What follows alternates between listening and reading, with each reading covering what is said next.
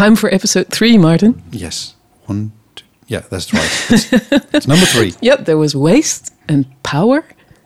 And What- now there's crops. Why crops? Um, well, I'm glad you asked that. Because crops basically form a completely different kind of kind of industry. Like when we talk about waste, a lot of it is about you know things like steel, things like plastic. When we talk about energy, a lot of it is like these big industrious things. But here we're talking about things that we need to grow. And, and, and what's the role of a designer in all this? Well, it's larger than you think because basically there are a lot of, I would almost call them alchemists out there trying mm. to get the best out of these living organisms, trying to coax some new meaning out of them. So, um, in order to find out how that works, uh, I'm off to Zaandam. It is one of those places where Dutch innovation started. And now I'm back to meet Klarenbeek and Dros, Erik and Maartje, two designers of the unusual. That's how they call themselves. And they're busy with seaweed. I don't know, are you a fan of seaweed? Um, In Well, general, I mean, hard to say, but I, I guess. yeah, there's, I don't think there's anything wrong with seaweed. Can you be a fan of seaweed? Well, well, I think the Japanese are. Oh, right. But um, they are cooking up weird things in their laboratory in Zaandam. So I'm off there to see what it is that they're cooking up. Sounds like fun. I think so. So we are Klarenbeek and Dros, the designers of the unusual, and we're here in our uh, studio in Zaandam. Yeah, this is our experimental lab where we do a lot of studies uh, concerning uh, biomaterials. Um, we were focusing earlier on uh, mushrooms. At the moment, we're focusing on algae. And what you see here is all kinds of testing, prototyping, growing algae, sprinting. Uh, algae, um, uh, incubators, aquariums. Uh, so you're in the mid- middle of uh, our experimentations. What are you doing here now? Yeah, this specific seaweed, it's one we harvested uh, here in the Netherlands from a small waterway, and um, I'm just giving it some new, uh, some new extra water, a little bit of nutrients, so it has some new uh, food, so it can grow. Uh, but this is some, yeah, the one we still have to discover which one it is. Uh, but that accounts for all these algae. We we have to nurture them a little bit. So What do you uh, What do you meant when you said we have to figure out what it is? What did you mean by that? Now this was uh, a specific. We we just took, uh, you could say, a bottle from the the pond, um, and we placed it into an aquarium, and then this specific one, this pond, this this aquarium started to grow, and it was super magical, and it looked like this kind of a lava lamp. I don't know, you know, like it was very magical, and um, you know, you never know what is in there because it's it's all kind of algae together and then uh, once you feed it uh, few survive you know the most resilient one uh, so we have to still discover which one is the strongest and uh, which uh, specific algae it is When did you start to think of algae as a as a medium to work with? Yeah therefore we, we have to go back to the, the mushroom mycelium um, because that's roughly where we started with uh, in 2010 when we started cooperating with uh, the University uh, Wageningen, the, the WUR, as it's called, of uh, the University of Life Science. And um, there we had the opportunity to work with, with scientists that, that work in a clean room, that are able to work with microorganisms that we cannot see, um, that start to exist in a petri dish, you could say, and then start to grow to macro scale so we can see it and we can use it as a material. And um, from that experience, by building our own clean rooms, by growing our own materials, um, it was a small shift to make the shift from mycelium, uh, the underground network of mushrooms, to algae, um, which are even earlier in evolution. So from you could say land plants to to aquatic, and um, these algae you can also grow in a clean room in a petri dish, and uh, that started. Uh, yeah, our our fascination started then roughly uh, seven years ago, uh, growing these algae, trying to to master also that cultivation, to understand the species, the potentials, and um, yeah, that's what you see here all around you. Erik and Maartje experimenting with seaweeds fits in a wider Dutch tradition. eking out ever more creative ways to extract the most agricultural output on a tiny piece of land. And there's no better place to see it on its most professional scale than in the Westland. I'm in one of the many greenhouses covering the region, a vast, quiet complex dedicated to the tiniest crop watercress. That tiny plant that you got to grow in school. Koppert Cress is a world leader in its production and development, coming up with new varieties and flavours to stay ahead of the competition. Stijn Baan is my host as we walk past endless rows of tiny, tiny leaves. I feel this sort of um, this sort of horseradish tingle in my nose as if I'm eating it. Can you still notice that when you walk around here? No, absolutely. I think if you if you walk around here, you get all these different smells coming at you, and also depending on what what the team is sowing, Yeah. the smell will change. It smells a bit sea-like now, though. Where we is that even possible? Does that make sense? See, see, like, like, sea water, like salt water, like a bit Oh. salty. Is that possible? Or it's absolutely possible. Um, what's what? That's one of our our R and D projects that I'm not going to talk about at the moment. what is it? A secret thing? yeah. I'm smelling a secret. So we go this way. This way. ja. Ik geef je nog even. Oh ja. Daar even eh, pakken. Our plants are really young crops. So, for instance, if you take a radish uh, cress, daikon cress, it's a five-day crop. So, if you do the sowing, then in two days you already get feedback from the plants. So you can learn quite a lot. Your mistakes are also very visual. If you mess up or you mix seeds, you'll see it directly. So how much goes through here uh, on any given day or week? If you bend your knees a little bit, you see a part of the greenhouse where we have a lot of tables. I think we do uh, 300, 400 tables today, easy. And you can imagine that the amount of seeds that we put on one table, for instance, uh, now we're doing broccoli, uh, broccoli cress. We're using more broccoli on this table than a farmer would do on his entire field because we have a very high density of seeds in one cup. As urban as Holland is, there is a shared sense that our agriculture is an integral part of our identity. Not just our green polders, black and white cows, or the colourful rows of tulips. It's also in our innovative methods and a sense that we are, on this tiny plot of land, feeding the world. But Professor Pablo Tittonell of both Groningen and Wageningen University feels compelled to set me straight. Now, it's very difficult to catch Pablo anywhere, him being the globetrotter that he is, but I managed to get him on the line between his travels from Argentina to Kenya. What I would like to know from you is how would you characterize the Dutch agricultural uh, industry? The Netherlands is a very unusual country, but I would say that in a in a very positive way. First of all, but now when it comes to agriculture, yes, I mean the Netherlands is the second world exporter uh, of, of food and agriculture products, but that's measured in, in, in money. That's not measured in, in amounts, right? And for example, flowers they play a major role in that in that figure. Right? And let's say about 80, 90 percent of that export goes to Europe, right? So actually, it's uh, it's also a country that imports a lot, manufactures and exports again. So it's not that everything that is exported from the Netherlands is produced in the Netherlands, right? So that's why the figures sometimes are, are, are a bit misleading. You know, people think, well, we, you know, we are a tiny country and we're feeding the world. Well, no, far from that.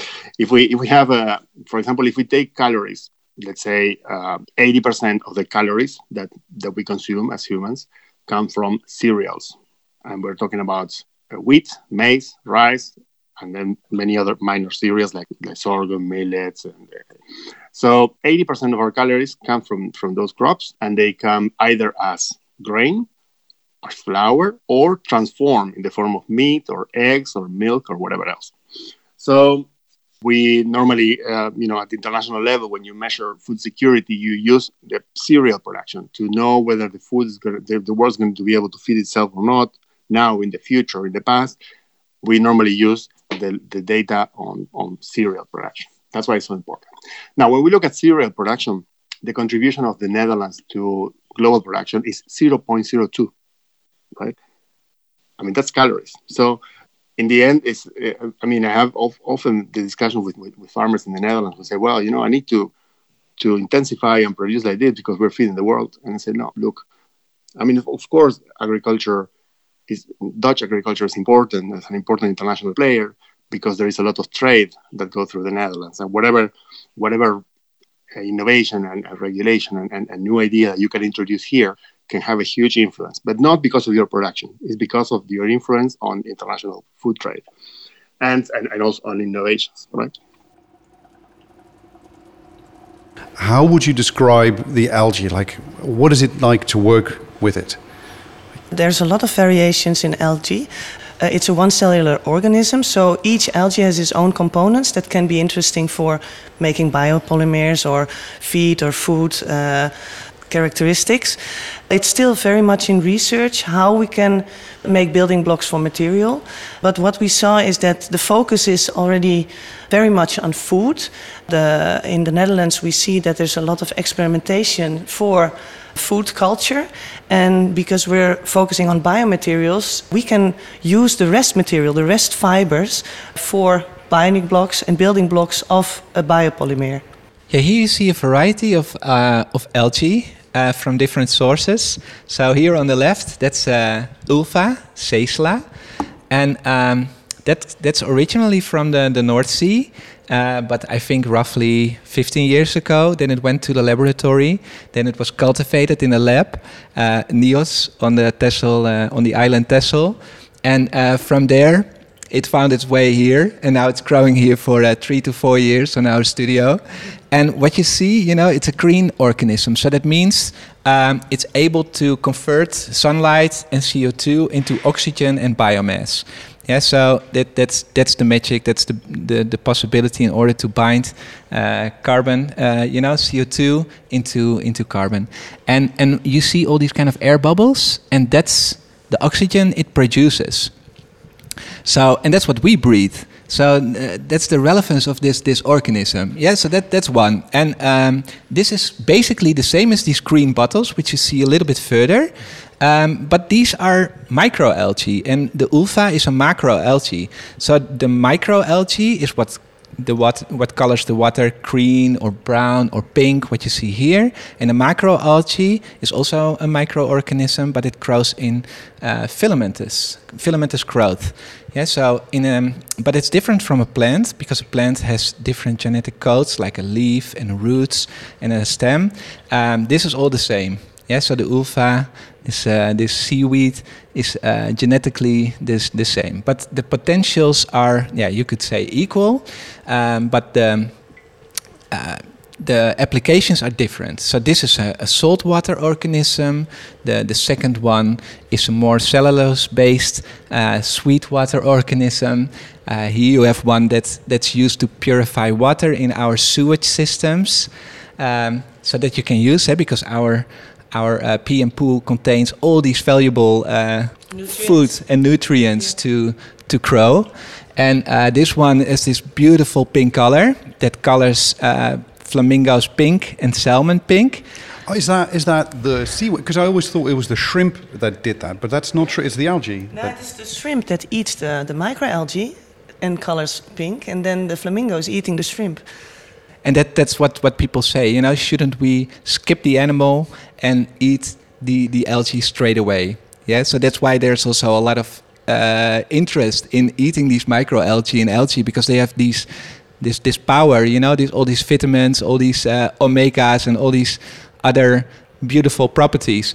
And this specific algae uh, contains also, in terms of, of uh, materials, it contains the plasticizers. So if you look to a biopolymer, a plastic, then it contains the hard element, the biopolymer. That's the first bottle. Fiber? The fiber. Yeah, you could call it like that.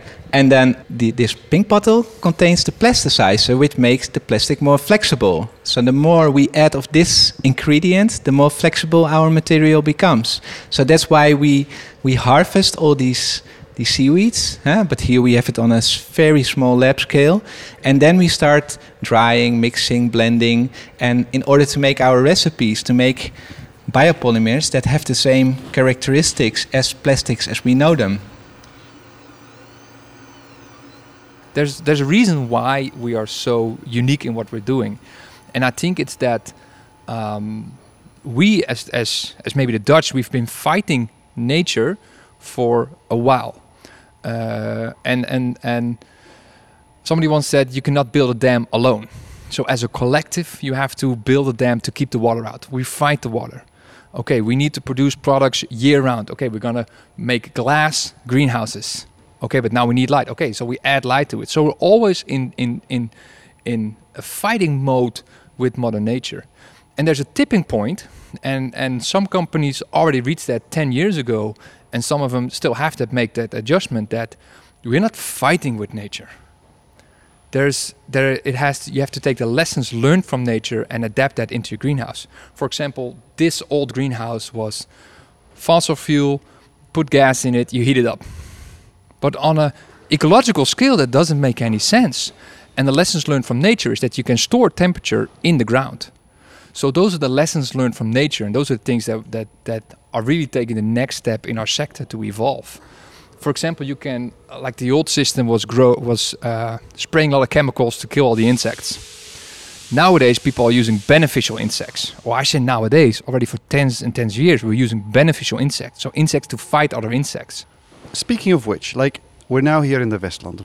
Why are you still here at this incredibly expensive part of Holland? Like, why not, let's say, Drenthe, where it's empty, or Friesland? Yeah we want to be part of the ecosystem that the Westlands brings. So it's the people, it's the technology, it's the business.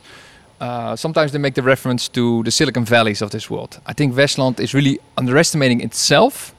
There's um, foreign countries looking at Westland as the solution for a lot of problems that they're having. If you have like cities like Shanghai, which are so extremely big that they cannot supply their own food, they're looking at solutions that we are, find here common. So that's really a, a, an interesting uh, reason why we stay here. Also, the logistics that we do from here are unique in the world. Nobody can do what we're doing here in the Westland region when it comes to logistic of fresh produce. L explain how. What is that then? What is so special about it? Um, the thing is that the, the there's so much produce here, so there's so many trucks, so many routes going into Europe with our products. And I always find it interesting to balance that with the local for local because we grow here very sustainably. Not talking only about Koppert Cress, but the Westland in general. We grow very sustainable, the highest quality possible, and we ship it by trucks, and it goes to Paris, Italy. It goes all over. Our tomatoes, for example, are, are there's more tomatoes, Dutch tomatoes in Italy than Italian tomatoes. They would hate it, but it's true. So there's, and that's also because of logistics and that's um, yeah we're just very good at that one how does that like uh, you hear that, these kind of things sometimes how is that even possible then like how could it be better how could you in the Westland beat uh, Italy for its own tomatoes like technology a lot of innovation here in Westland is because employees are not cheap you can always go somewhere cheaper because land is not cheap because energy is not cheap that's the reason why we innovate that's one of the, the things that are pressuring us to be the best in what we're doing. So all those things you have to adjust. You have to be better this year than you were last year. You always have to make that progress to stay ahead because there's always somebody who can do it cheaper. But you have to try to be the best in what you're doing. Back on the line with Pablo Tittonell. If you ask me about uh, Dutch agriculture, I think the farmer is a person who is under a lot of pressure is a person that is uh, that has a negative image with a lot of people in society. Although it's an essential worker, it's an essential person because it's producing food, and and also it's a person that is uh, you know for all their life they are paying debts back to the bank, and and and they have they're sitting on a huge amount of of of capital, but they have the salary of a civil servant, right? And they are under stress and they have risks because you don't know how the, the, year is going to look like and the prices are going to look like. And there is a lot of other big actors living off the farmer, you know, like the, the banks and the companies and the industry and the insurance. All of them are making a living and making money, a business out of a person who is totally stressed. And as you may know, the high rate of, of, of suicide in the Netherlands is among farmers. You know? So I think it's a, it's in that sense, it's a, you know, it's it's, it's a twisted system that we need to, to review. Review, first of all, culturally, because farmers have to be uh, seen as as heroes, you know, if you want, as people who are who are actually producing food, and and and, and, and you know they, they could also sell everything and just enjoy life in a different way, right? But they do it, and and also farmers are reaching on average 60 years old you know they're becoming old and their children are not taking over so we need to, to, to change those those those rules of the game in order for for young people to also be you know remain in the in, in, in the business remain in the in the food production um, uh, sector and, and and also revitalize it you know bring new ideas and not not continue with these old ideas of having to enlarge and enlarge and enlarge to become bigger and at lower costs we learn by experimenting, but also collaborating with ex other experts. Uh, we work together with a seaweed farmer, so she's growing the seaweed in a harbor, and we work together with a bioengineer that is using fermentation processes to take out the nutrients of seaweed and is left with the fibers that we can use. So all our projects are also about creating new networks, creating new collaborations, and in that sense, creating new market potentials or new markets. I think that is our goal also to educate each other and to use each other's knowledge to, to bring things further. If, if you look outside of the window, here you see the river uh, Zaan, and you see all these, um, these beams along the riverside, along the bridges. Uh, everywhere they, they use these wooden beams, but that's history.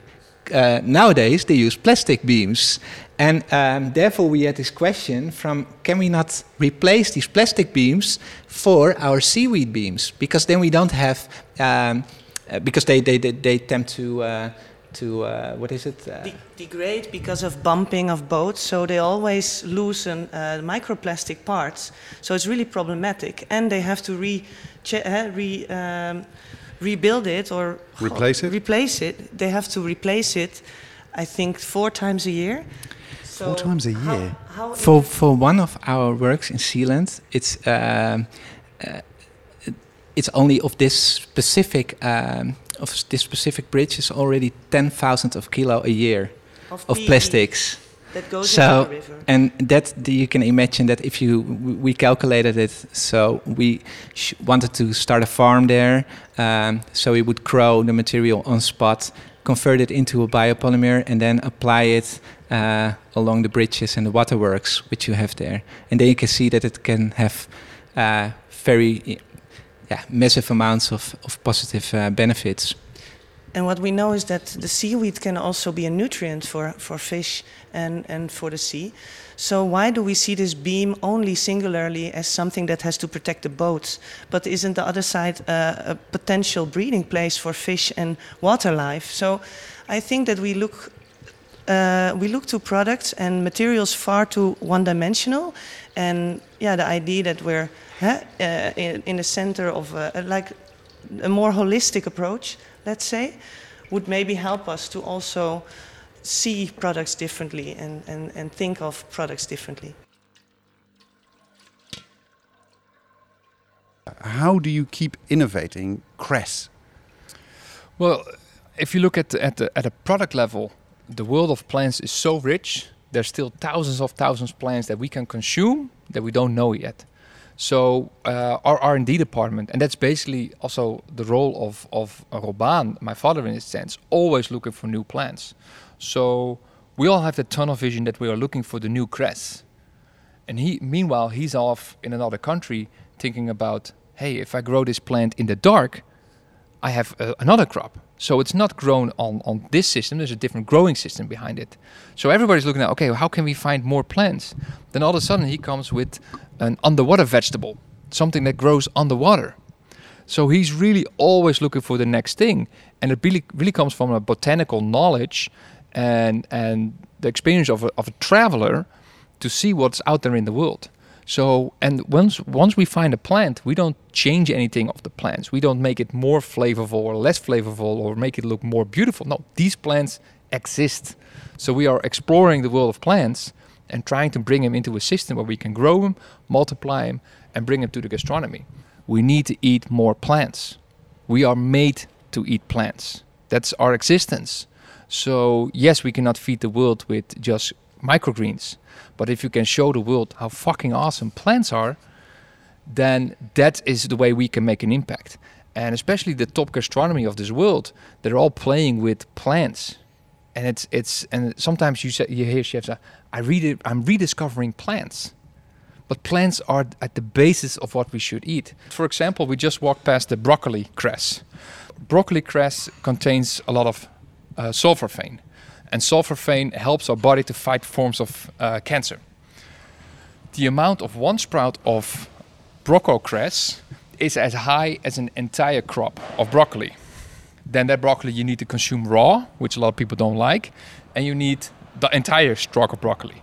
So there's all these beautiful things, micronutrients in microgreens that are beneficial to our bodies.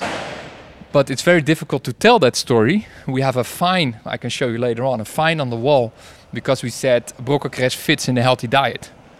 We're not allowed to say that, so I'm not saying in this in this segment that broccoli is healthy because if I would say that broccoli is healthy, I would be in a violation. Why? So quote why? me. Why would you be like? You're not saying it. You just said that people like.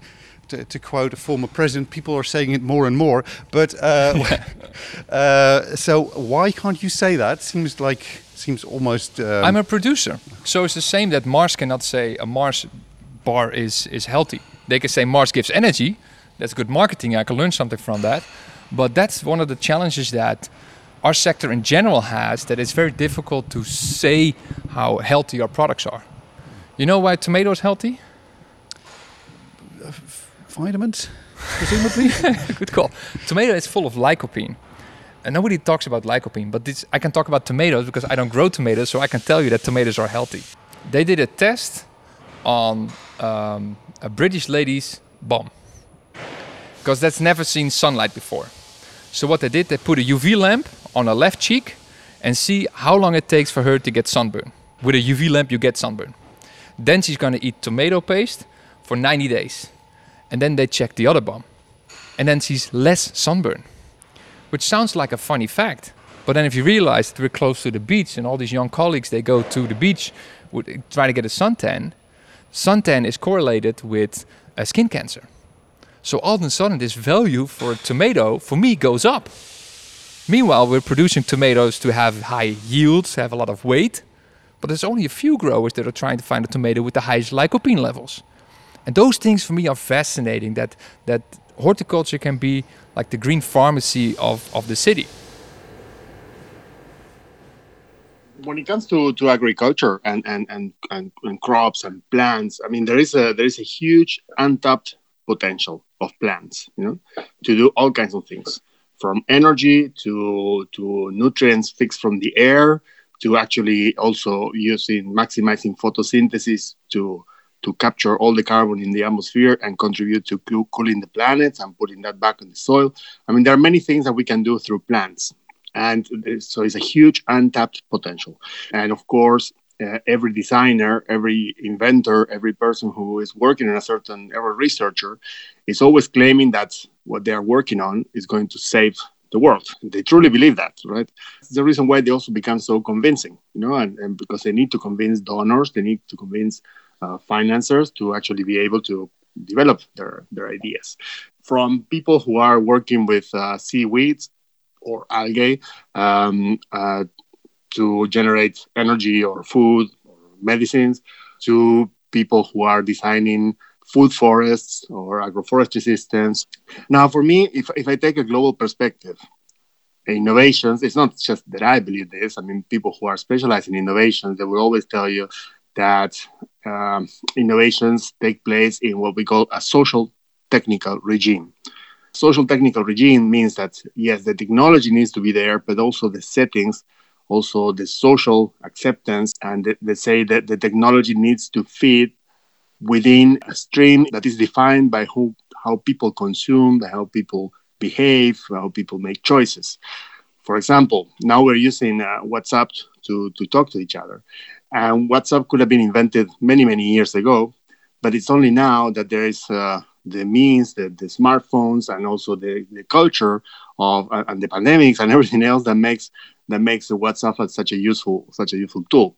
Uh, if we think about meats, Zoom, all these things that came up uh, with the pandemics. Well, it's not just the technology that needs to be there, but also the context, the social context, and, the, and people's behavior. And in such a sense, there, there, are many good inventions, many good inventions in the field of, of plans and, and, and, designs, which uh, are still in, in the niche phase and have not found their place in the mainstream, right? And some of them may never find it or may find it perhaps in 40 years. You know, there are many inventions that we see today or innovations that actually using technologies or ideas that were developed many years ago, but at the time they couldn't find they couldn't find their niche. So I think um, when we think about about uh, uh, technologies and, and innovations and, and, transitions, we need to think about both the on the one hand the technology itself, which is there, but for the technology to change the world, as the as the inventors claim, you also need the you know the conducive environment, social and economic environment for that to happen. Someone who pays a lot of attention to material conditions is Maurizio Montalti, an Italian designer who, from his lab in Amsterdam, is carefully cultivating mycelium, the thread like network of fungi. You'd have a hard time knowing you were having some relation to mushrooms in front of you unless you picked it up. A warm, very light material with an earthy touch. Maurizio has dedicated his work to the material not in the least for its own communicating properties. What is important uh, to not underestimate is to think about these materials as a single one, when we talk about mycelium, we are never talking about material. We're talking about materials. Uh, as if you, you know it would be the same thing to speak about plastic being only one thing. No, we're talking about plastics. It's a family of material, and yet it's not a replacement for synthetic polymers. It's an, an entirely new category of materials. As a matter of fact, fungi um, have one of the most important roles in the ecosystem. That is the one of uh, not only distributing nutrients across living systems, but particularly distributing information all uh, organisms, and there are many, many, many, that live in the soil, in a cubic centimeter of soil, there can be an enormous amount of individual entities, talking microbial cells. Um, they actually communicate by means of mycelium network, so by means of fungi. Fungi are the information highways of the natural system. It's the first internet ever created. And uh, that gives you, inevitably, if you are the carrier of the information, you are the one most informed about what people are talking about or entities are talking about. If we take the, the soils that we consider apt for agriculture, right? Uh, well, 25% of those soils, let's say arable soils, productive soils, are now uh, severely degraded. You know, the international organizations, they have, the UN has developed a, a sort of a uh, ranking of, of soils in terms of soils being okay or being moderately degraded or degraded or severely degraded. And 25% of the soils in the world are in that situation, which means they are not productive. Now, restoring the, the, the productivity of those soils can be done by increasing uh, soil life.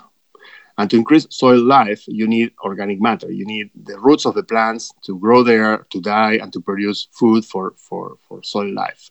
So you need all those roots of the plants, all the plant litter. It's all carbon, you know, and this is obtained through photosynthesis from the atmosphere. So actually, to restore these soils, what you need is to bring more carbon into the soils which is a, a, win-win situation if you want, because you are restoring soils, you're making them more productive. You can gain 25% more land. It's like one quarter of a planet more you can gain by restoring them. But you can also put a lot of carbon back in the soil by restoring them. And I think, uh, you know, companies they don't have any any uh, you know out of the shelf solution for that. There is no there is no marketing opportunity. There is no business opportunity almost in restoring soils right? So there is not a plan that you can that you can pay a high price for a seed and it will restore your soil right? It, doesn't work like that. It's a, it's a much more complex but it's the most pressing problem we have and and and we should address it. And you know the soils are not just there uh, you know, uh, in, a, in, an isolated place. The soils are in every farm in the world. So uh, farmers are the main actor to actually restore those soils. So we, we need to, to work with farmers and be allies with them and have them on our side because they are the ones who are going to do the job. You know, this is not something that can be done by by uh, I don't know a company or a government or anything like that. It's the farmer who, who needs to, to, to do that when I tell the story about uh, being engaged in a partnership with these tiny, tiny, tiny, teeny tiny creatures, uh, it's not just a story. That's how I feel. I feel this deep connection. And by the way, none of these various objects that we are seeing here could exist if the designer, the fungus, wouldn't have been taking care of that. And now I've been asked in the past questions such as, yeah, but then if he is the designer, who, you, who are you? And for me, the point is like, it's a collaboration and we are acting in in the design phase on different levels. I like often to make the example of uh, parallel to the dancing world.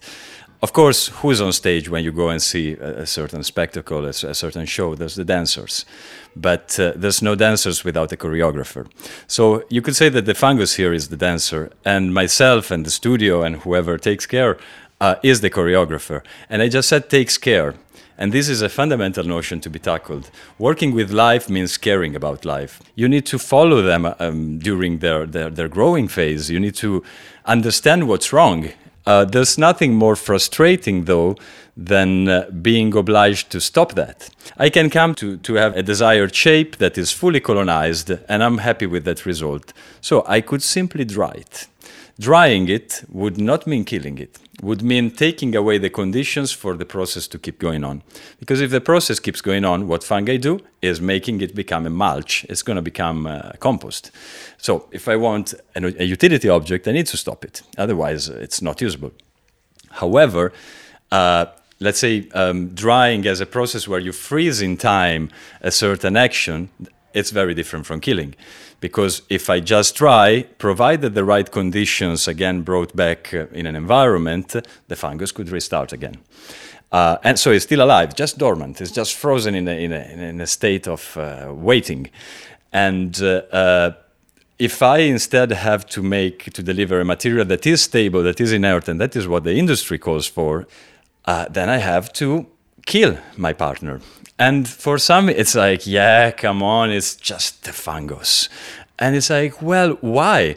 Why is it not fine? And I strongly resonate with that uh, to kill uh, cattle uh, or you know cows or uh, different types of mammals uh, for food consumption, and it is fine to kill microbes because they are they are dangerous. Again we are so we are so full of preconceptions about life. And just because they are tiny that means they are to be disregarded particularly if we figure out what is their fundamental role in making us humans in the first place. They should be the most respected ones. And instead they are the most underrated. Of course it's uh, it's very difficult to it's a kind of an ethical dilemma.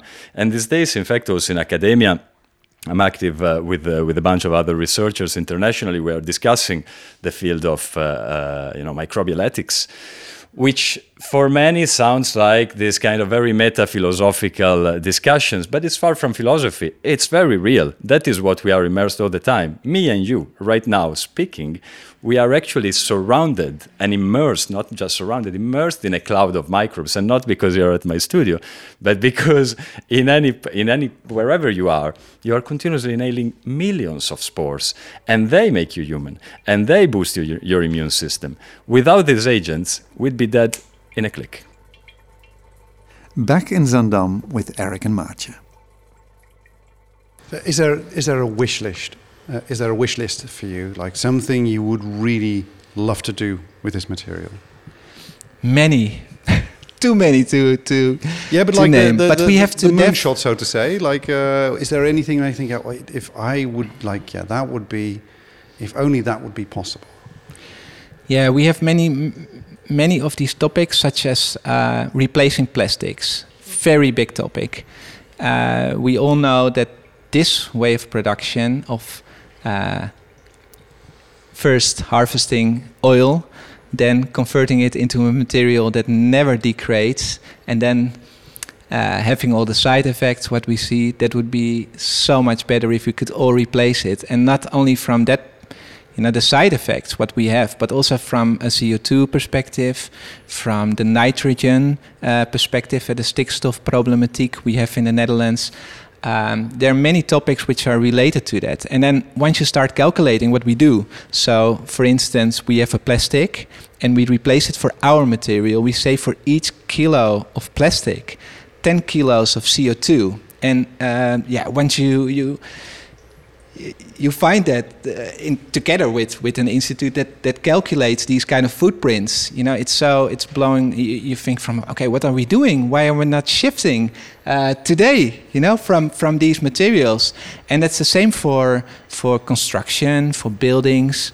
Um, where we are still buildings very traditionally, where we're not taking into account these kind of elements, the the temporarity of, of, of materials, that things have to degrade, that things have to go, uh, that things have to be in balance with with nature and have to fit in our circle uh, circle system of nature, and um, yeah, then we have to almost rethink our whole society.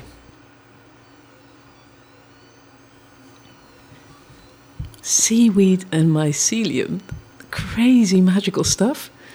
And intelligent too. Yes, and basically, um, uh, the employers of Maurizio, Erik, and uh, uh. Yes. That's Yes. the world upside down. Well, you think so, right? Like it's, but it is funny. Like when you talk to all these people, you, you get a little look in of tomorrow, and I think that's really interesting. That there is, no matter what designers tell themselves, in one way or another, they're trying to give shape to our future, and I think uh, that makes it interesting, and that's what I like about it. What do you have in store for episode four? We've had waste, things we leave behind. We've had power, the way we fuel our world. Then we had crops, the way we grow our plants.